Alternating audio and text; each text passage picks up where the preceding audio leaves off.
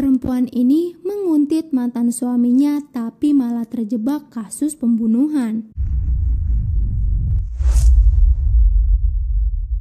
Hai, kali ini aku akan rekomendasiin kamu film lagi nih. Film yang ini berjudul The Girl on the Train. The Girl on the Train adalah film yang diadaptasi dari novel karya Paula Hauskin yang rilis pada tahun 2015. Saat film ini tayang, The Girl on the Train mendapat banyak kritikan.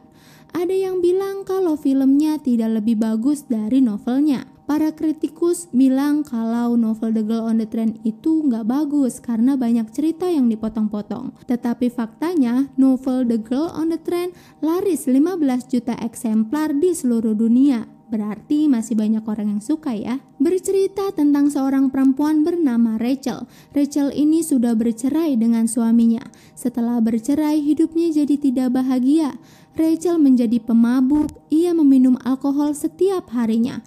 Hal itulah yang membuat Rachel sering kali dalam keadaan tidak sadar karena dibawa pengaruh alkohol. Rachel punya kebiasaan yaitu menguntit rumah lamanya lewat kereta. Rumah lama Rachel tidak jauh dari rel kereta. Jadi kalau kamu naik kereta terus ngelirik lewat jendela kamu bisa lihat rumah Rachel. Rachel sering duduk di dekat jendela lalu ngelongok keluar untuk ngeliatin rumah lamanya yang kini ditinggali oleh mantan suaminya Tom dan istri barunya, Anna. Hampir setiap hari kerjaan Rachel tuh bolak-balik naik kereta buat ngeliatin rumah lamanya itu. Selain itu Rachel juga sering merhatiin rumah tetangganya yang bernama Megan.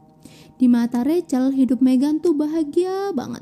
Bahkan Rachel tuh sering berhayal jadi Megan. Suatu hari, Rachel itu melihat Megan bercumbu dengan lelaki yang bukan suaminya karena dibawa pengaruh alkohol dan Rachel juga masih terbawa perasaan pengkhianatan suaminya.